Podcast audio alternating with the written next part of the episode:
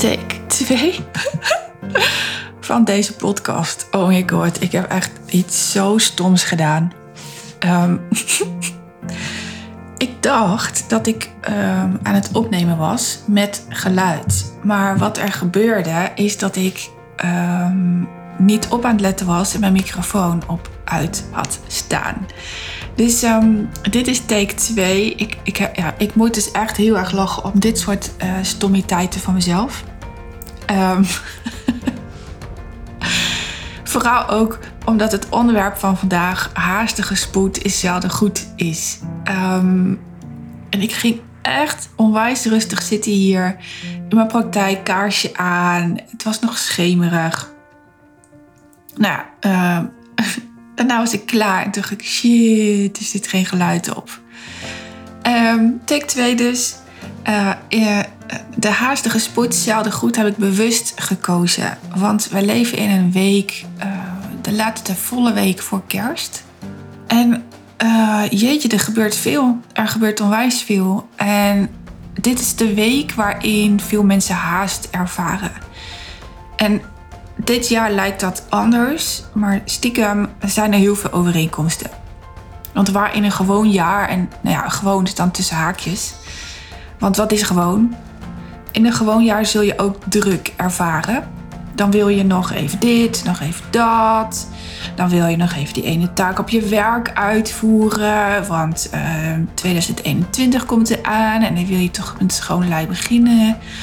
Of, oh, ik ga nu iets voor mezelf vertellen waar jullie waarschijnlijk heel hard door moeten lachen. Maar ik ben van het team voorjaars schoonmaak voor kerst. Um, geen idee waarom, maar juist dan wil ik alle meuk die deur uit. Dan wil ik ruimte hebben om te lezen, te puzzelen, te eten, onwijs uitgebreid te koken, eh, lekkere recepten uitproberen.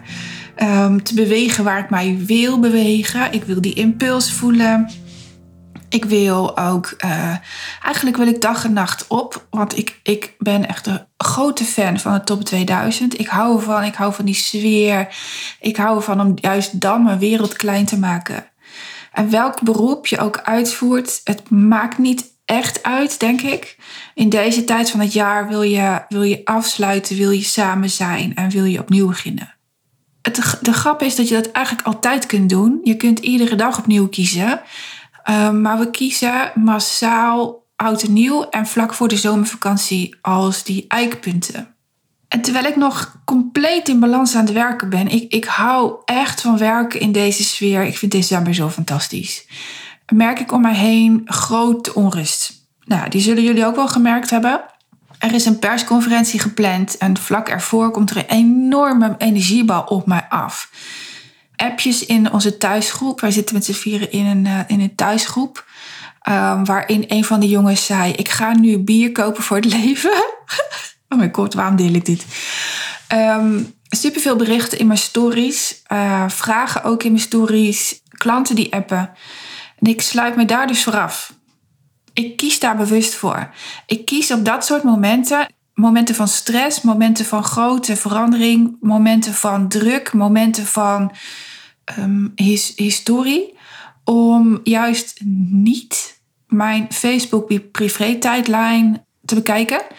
Daar wordt veel um, geoordeeld, veel de schuld gegeven, veel niet jezelf aankijken. Ik was daar vroeger ook, hè? ik heb het ook gedaan. Echter, toen Lennart overleed, ben ik daar acuut mee gestopt. Want ik voelde opeens hoe het is om als schuldige aangewezen te worden. En it hurts. It hurts a lot. Ik ben dus alleen op mijn eigen tijdlijn in de stories.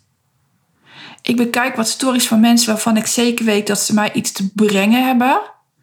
Een Caroline, een Veronique, een Maartje, mijn klanten. En de rest kijk ik niet. Aan de ene kant omdat ik het veel te veel vind. Ik, ik trek het ook echt niet. Ik ga me aan ergeren. Het, het raakt mij, al die berichten. Die, de voor- en de tegenstanders, ehm, ehm, verschillende theorieën, verschillende cijfers. Ik word er echt horendol van. En door juist niet te kijken, zorg ik voor mezelf. Dit komt echt uit mijn tenen. Ik gun ook jou dat jij die keuze maakt. En, en vind je dat moeilijk? Ben je bijvoorbeeld verslaafd aan je telefoon? Geef je telefoon dan aan iemand anders. Zet hem op vliegtuigstand. Laat je man of je vrouw hem verstoppen. Uh, weet je, je bent niet verplicht om daar te zijn. Je bent ook niet verplicht om appjes te beantwoorden. We voelen ons massaal wel verplicht. Als klanten mij in het weekend appen, heb ik echt niet altijd terug. Ik heb weekends. En ik kies er dan voor om mij te laten informeren door mijn man in plaats van de media. En als ik een krant wil lezen of een, uh, een post van een journalist, dan kies ik bewust welke. Tja, en toen moest alles dicht. Maar WhatsApp ontploft en het is uh, na vieren. En dan, dan weet ik dat mijn klanten, dan weten mijn klanten dat ik niet meer reageer. Of dat ik bewust kies ja, op welke vragen ik reageer. Er wordt niet zo heel vaak geappt, moet ik zeggen. Maar als, dan weten ze dat ik na vier uur ja, bezig ben met uh, mijn gezin, met, met het eten, met de doggies. Ja, dat, is, vind ik fijn, is gewoon duidelijkheid. En wat in tijden van stress, en dat was het voor sommigen echt, wat in tijden van stress wil je regelen. Ons lijf is er zo op gebouwd dat als jou iets overkomt, je direct opstaat. Je direct denkt, wat kan ik doen? Je direct denkt, ik moet iets doen. Je brein is er zo op gebouwd dat je in tijden van stress gaat bewegen of tot stilstand komt. Als je hier niet bewust mee omgaat, dan geef je je hele leven weg. Het groots wat ik zeg. Maar als je hier niet bewust mee omgaat, geef je je hele leven weg. In veel situaties is het fijn dat je gaat regelen. In, in deze situatie niet, want je gaat niet dood.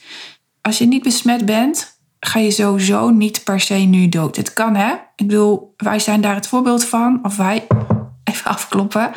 Uh, Lennart is daar het voorbeeld van. In principe ben je gezond, ga je nu niet omvallen. Ik denk dat heel veel, bijna alle mensen, en misschien overdrijf ik een beetje, maar ik weet zeker dat er heel veel mensen zijn die te snel reageren. We vergeten massaal te voelen wat een situatie met en voor ons doet. Nog een keer, we vergeten massaal te voelen wat de situatie met en voor ons doet. We luisteren niet naar dat seintje van ons brein. Als we daarna hadden geluisterd, dan gaan er niet zoveel mensen overspannen worden. Dan staat een burn-out niet aan de bovenkant van het lijstje om om te vallen. Als we luisteren naar signalen van ons lijf, dan voelen we wat dat met ons doet en gaan we daarna pas handelen. Maar we gaan er zo vaak aan voorbij. En, en ik heb het deze week ook gezien. En dan kom ik bij de quote, en die heb ik vast al eerder gebruikt. Het gaat niet om wat je ervaren hebt, wel om hoe je mee omgaat. En die wil ik koppelen aan alles wat je aandacht geeft, groeit. En als je die twee combineert, dan zie je dat bijna iedereen is gaan regelen om het goed te doen. En dat is quote 1. Het gaat wel om hoe je ermee omgaat. En iedereen denkt dat hij het goede doet. En bij quote, quote 2 zie je dat bijna iedereen aandacht heeft gegeven aan dat wat het niet wil in haast afscheid nemen en vanuit angst reageren. Ook al heeft dit waarschijnlijk voor een groot deel goed uitgepakt. Ik bedoel, heel veel kinderen hebben een onwijs fijne kerstfeest op school gehad. Je zorgt hiermee dat je reageert vanuit een hoge adrenaline.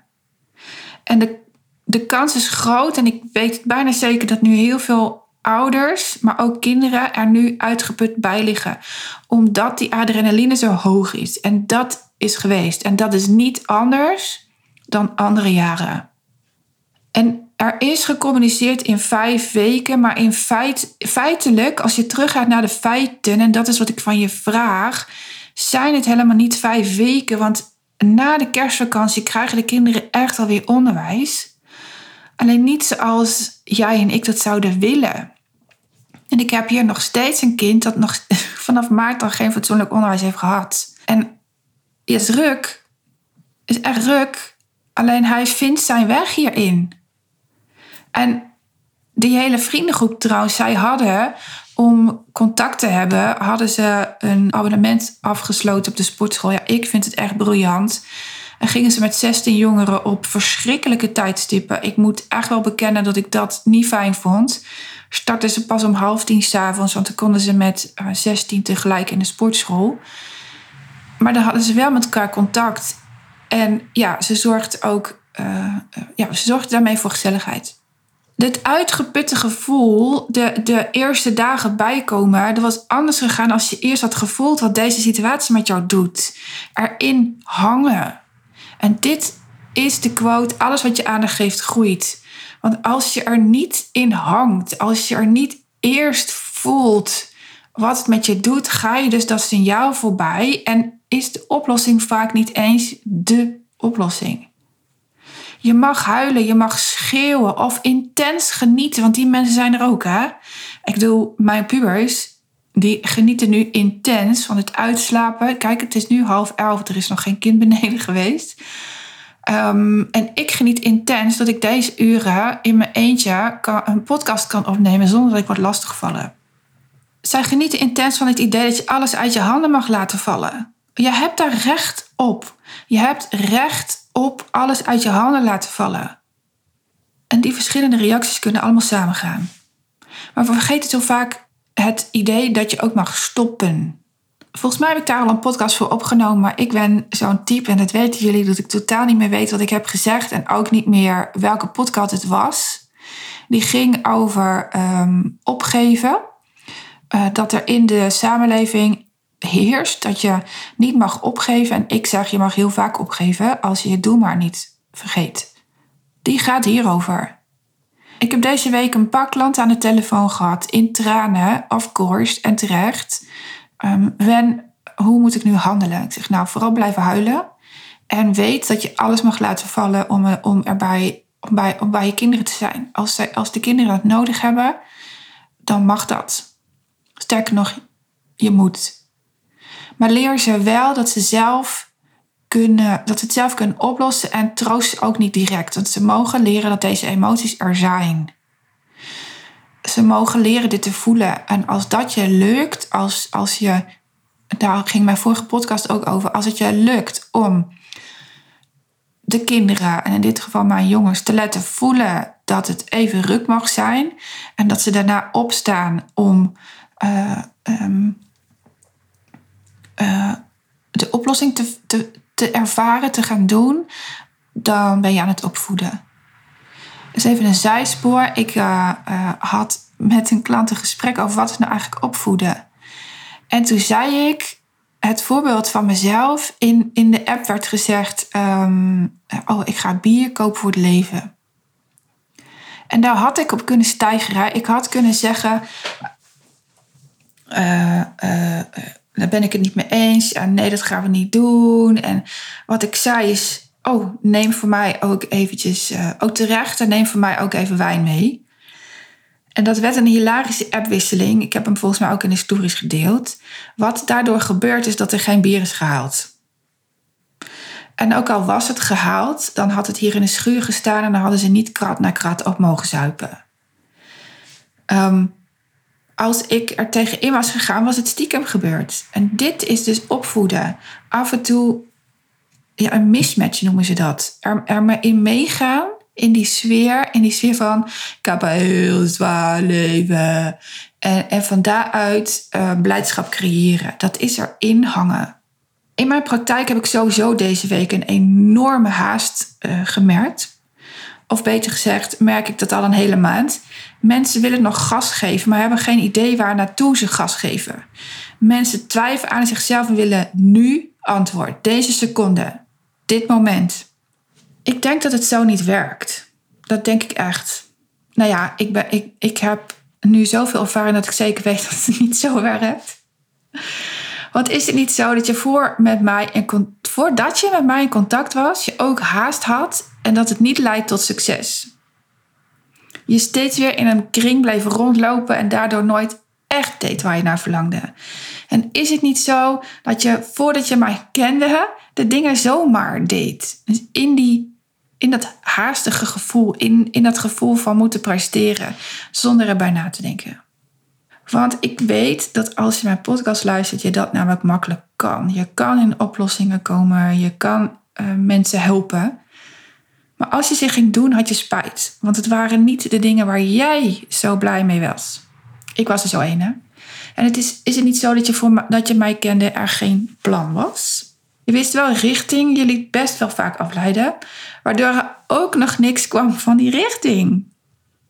Ik weet zeker dat je vergeten bent om tijd te nemen. Ik word er acuut rustig van als ik het heb over tijd.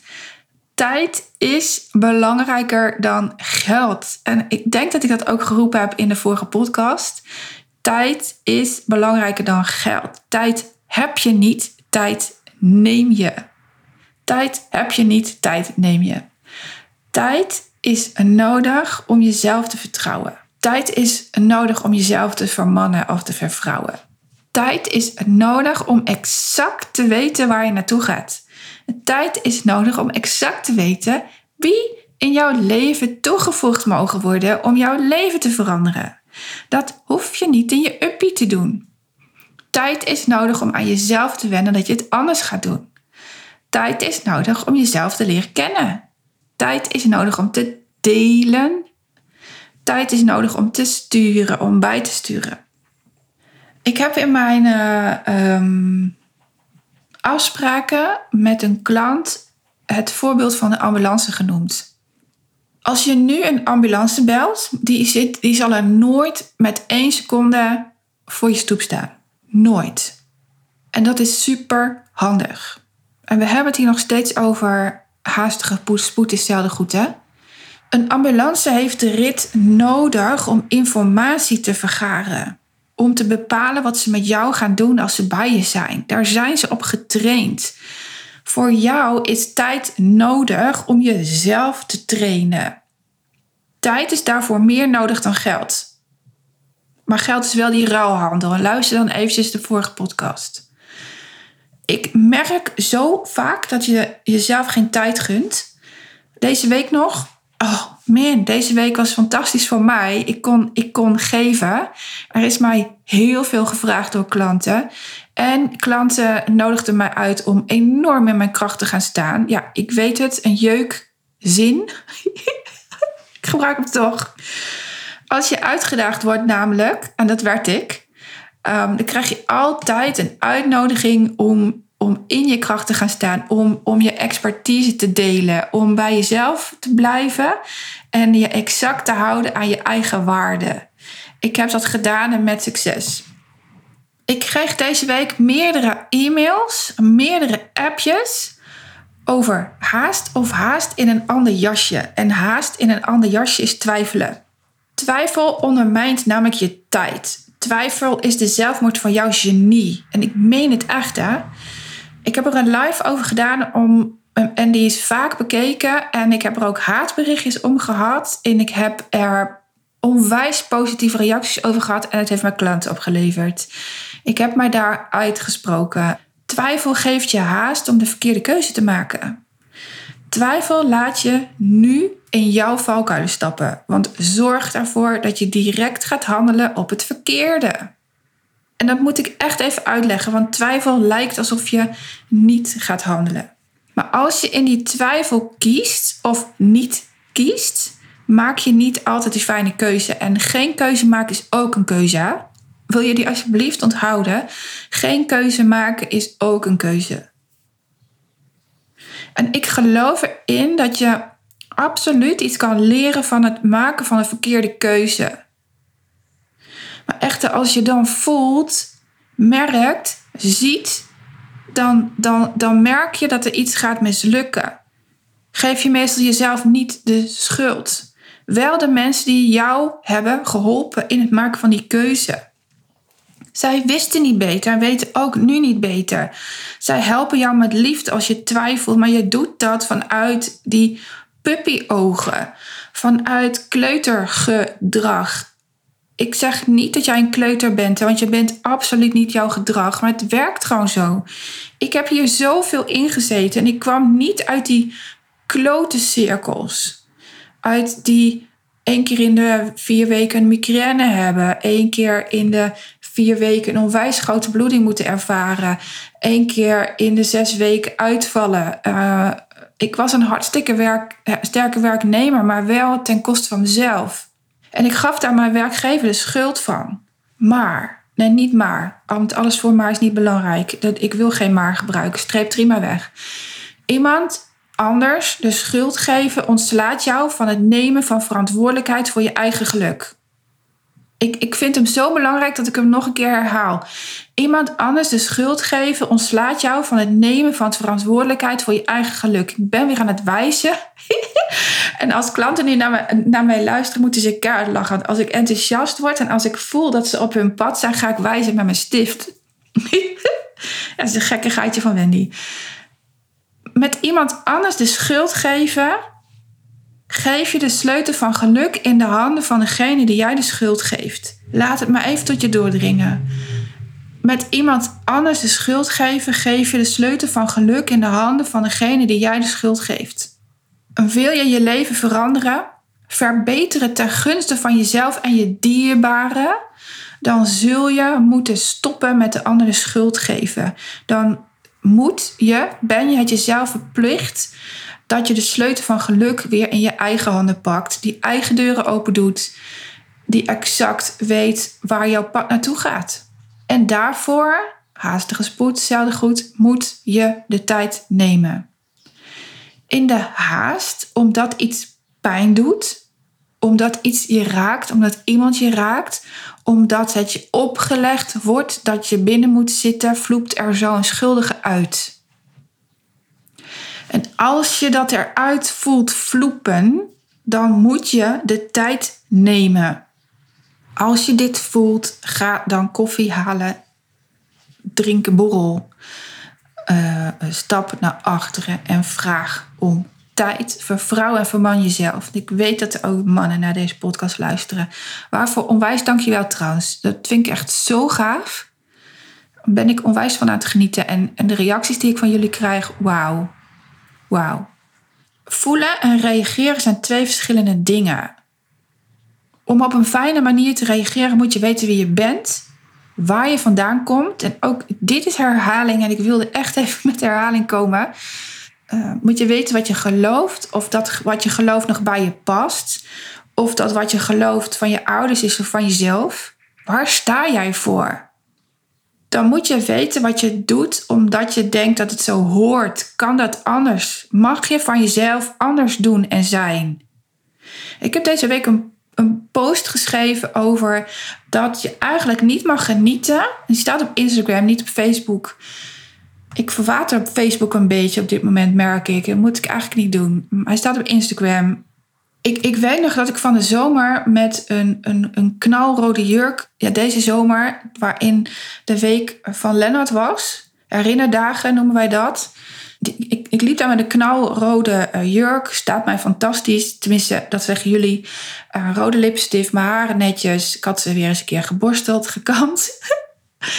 en uh, dat ik commentaar kreeg op hoe ik eruit zag. Want ik moet toch huilen omdat Lennart er niet is? Nee, nee, nee.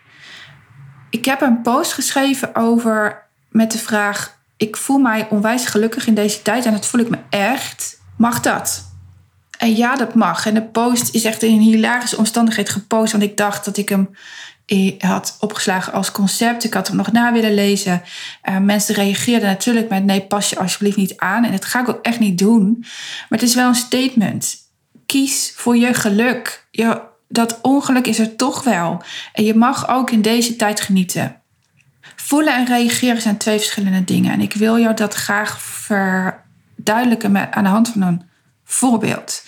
Maar ook naar aanleiding van de vorige podcast, waarin ik zei dat je om drama kunt vragen, maar ook om, om iets anders kunt vragen. Om een fijn leven, om jouw geluk. Die sleutel in van geluk ligt echt in jouw handen. En het voorbeeld wat ik gebruik zijn jullie woorden. Hè? Zijn de woorden die jullie mij vertellen, met mij delen, mij toevertrouwen. Ik vroeg haar laatst waar ze tegenaan liep, waar ik haar het meest bij kon helpen. En toen zei ze dit. Ik wil heel graag mijn faalangst onder controle krijgen. En als ik dat kan, dan geloof ik dat ik me beter voel. Wat je hiermee vraagt is faalangst. Alles wat je aandacht geeft groeit. Je vraagt met deze hulpvraag om je faalangst te leven als ik dit uitleg aan mijn klant, vindt ze zichzelf gek. Maar dat is niet waar. Dit is hoe het werkt. Dit is hoe jouw hoofd jou de hele dag loopt te fucken. In alles. Om te veranderen moet je aan de slag om je brein te omzeilen, zeg ik altijd. En daarvoor moet je dwars door dat klote gevoel heen. En ik weet hoe ruk het is, hè. Ik bedoel, ik heb zoveel meegemaakt in mijn leven. Zware dingen. En om er doorheen te gaan, dat moet je voelen en dat is niet fijn. Maar dan ebt het wel weg. En daarmee geef je het zijn dat je niet doodgaat aan voelen. Je faalangst onder controle krijgen is precies niet wat je wil. Wat je wil is zichtbaar worden, je training aanbieden, je website bijvoorbeeld online zetten. Wat je wil is een nieuwe baan, op een fijne manier solliciteren, om meer salaris vragen. En daarom erkenning voor wat je doet. Erkenning komt vooral niet uit jezelf trouwens, niet van buiten, wel uit jezelf. Ik wilde bijna het woordje maar gebruiken. uh, maar die erkenning is een andere podcast. Um, wat je wil is meer of fijnere seks. Ik gooi het er maar gewoon in. Maar niet de angst voor aanraking onder controle krijgen. Je wil het tegenovergestelde. En wat je wil is iets doen met jouw ervaring. Er zijn hier zoveel vrouwen die iets ervaren hebben wat niet prettig was en wat anders mag. Zit heel vaak op natrajecten. Dus uh, ziek geweest zijn en dan ervaren dat er iets heeft gemist. En dat willen ze in het, in het leven zetten. Dan wil je juist niet de angst om te delen onder controle krijgen. Dan wil je juist het delen onder de knie krijgen. En die vraag mag je dan ook stellen. Wendy, wil je mij helpen bij het delen van? En wat je wil is vertrouwen op en in jezelf hebben. Niet die ander de schuld geven, nog de angst voor afwijzing ontvangen. Nee, je creëert een vraag waar bijna geen nee op mogelijk is. En dan ga je door. Als je wel een nee krijgt, ga je door, omdat je vertrouwt op jezelf. Als ik dat niet had gedaan, was de kus er niet geweest was ik waarschijnlijk ook mijn praktijk niet begonnen. Wat je wil is rust in dat kopie van je. Je wil niet je gedachten controleren, je wil ze juist laten gaan. En iets doen met jou, al jouw ideeën. De mens is super creatief. Tijd neem je juist door op pad te gaan. Mensen toe te laten die jou helpen. Te vertrouwen, te voelen, af en toe te stoppen en je af te vragen: ben ik nog op weg die mij leidt naar? En achternaar is een vraagteken. Dat doe je op repeat. Helaas hebben veel, en misschien als jij luistert, ook die naar niet op orde. Het was op school niet aangeleerd dat je kunt dromen en daarna kunt handelen. En dat het onderweg hartstikke fout kan gaan. Doe bij mij gaat ook echt niet alles goed. Maar door te vertrouwen en mijn doel te blijven zien. Ik heb het nodig om hem te zien. Als je nodig hebt om hem te horen, spreek dan een audio voor jezelf in. En wil je hem voelen, zorg dan dat er iets is vandaag wat je kan voelen. Wat je kan vastpakken. Als je een nieuw huis wil, laat dan een miniatuur maken. Of pak een Playmobil huisje wat voor jouw huis staat. Het wordt als op school niet aangeleerd. En volgende week is het kerst. En voor aardig wat mensen is dit de kerst waar ze al jaren naar verlangen. Rust, uitslapen, met het gezin zelf zijn, niet meer van hop naar her hoeven. Oh, I love it. Ik doe dit al jaren trouwens. En in de haast van het bevraagd worden, want die kant is er ook hè. Je vraagt niet in je eentje, je wordt ook bevraagd. bevraagd worden in je eentje is dat je jezelf de taken oplegt die allemaal nog af moeten. Ik, in acuut ga ik sneller praten. Dat is niet wat ik wil, maar ik voel jullie. Oh, ik zit in jullie. Maar je wordt ook bevraagd door buitenstaanders. En dat is dan degene die uh, het vroegst in het jaar komt met komen jullie de eerste kerstdag. Dat geeft druk. Dat geeft een loyaliteitsprobleem, een conflict. Je wil het eigenlijk niet, maar omdat het je ouders of je oma of je buurvrouw is, doe je het. Je doet het voor hun goed. Hoeft niet, hè? Je hebt daar een keuze in. En als je wel wil gaan, heb je een keuze in hoe lang je wil gaan. Ik denk dat zee met kerst toch voor veel gezonde mensen een cadeau is of kan zijn. Ik wil je onwijs fijne dagen wensen. dagen waarop je vanuit rust het impuls van je lijf kan voelen. Ik wil je dagen met tijd gunnen. Ik wil je reactietijd gunnen. Ik wil je dat ook geven. En dat doe je door als iemand je iets vraagt, billen, die, die kuiltjes in je billen te voelen, de, tegen de rug van de bank of de stoel, of als je staat, wortel te schieten aan je voeten en je af te vragen: wil ik dit nu? Wat voelt mijn lijf? En, en als je een voeler bent, dan weet je wat ik zeg. Maar ik ga het je uitleggen. Vaak is het, geeft je lijf al een signaal. En, en mijn benen geven vaak al het signaal welke, welke richting ik naartoe uh, wil. Uh, naar bed, naar de bank, naar de praktijk. Of uh, als mijn schouders omhoog staan, dan weet ik dat ik echt even pas op de plaats moet maken. Vaak ga ik dan in de praktijk zitten luister ik naar yoga muziek of ga ik juist dansen of zodat ik weer in mezelf kan komen. Je, je uh, arm beweegt vaak al in een richting of je denkt al iets en daar ga je vaak voorbij. Blijf dan eens even staan en vraag om tijd. Zeg bijvoorbeeld, goh, ik moet heel even naar het toilet en als ik op het toilet heb gezeten, heb ik het antwoord. Kom ik terug op jouw vraag. Dat zorgt voor verwarring omdat niemand dit bijna doet. Ik doe dit hier heel veel. Als mij iets wordt gevraagd, blijf ik staan of zitten. Kijk ik iemand aan, ga ik razendsnel. Ik ben er natuurlijk in getraind, dus bij mij is het vaak 1, 2 seconden. Maar zo begon het niet daar. Ik, ik heb hier ook eerst een half uur over gedaan. Of als ik op kantoor was, dan ging ik gewoon even koffie zetten. Zei kom ik zo op terug. Ga eerst even koffie halen. Wie wil er een bakkie? En dan als ik terugkwam, had ik het antwoord. Of als ik het antwoord niet had, zei ik, goh, ik weet het eigenlijk niet. Misschien moet je bij die zijn. Of als ik er wat langer over na kan denken, heb ik het antwoord waarschijnlijk wel. Heeft het haast? Zo niet, kom ik er morgen op terug. Dit is zo fijn. Dit is zo fijn. Haastige spoed is zelden goed. Tijd neem je en stop met anderen de schuld te geven, want dan geef je de sleutel van geluk aan die ander. En ik gun je het andersom.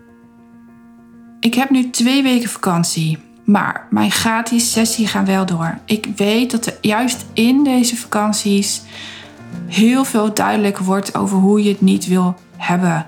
Ik weet ook dat juist in dit soort vakanties er goede voornemens gemaakt worden Mensen zeggen 2021 wordt mijn jaar, maar dan wordt het niet als je niet jouw pad gaat wandelen. Ik wil je daar onwijs graag mee helpen. Uit mijn hoofd zijn er nog twee gratis sessies over, maar zie je in mijn agenda dat ze vol zijn? E-mail dan eventjes. Ga kijken of ik jou in kan plannen. Het duurt maar een half uur, het is echt niet lang. Uh, je kan altijd nee zeggen aan het einde van een gesprek, maar ik geef je altijd een inzicht.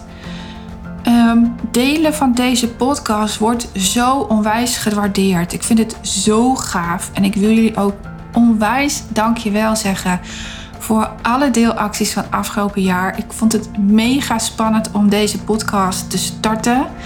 Ik vind het opnemen ervan nog steeds spannend. Het kost mij bakken energie, maar wat ik ervoor terugkrijg is zo onwijs gaaf. Ik was niet doorgegaan zonder al jullie reacties, zonder jullie steun en waardering. En ja, dank jullie, dank jullie, dank jullie wel.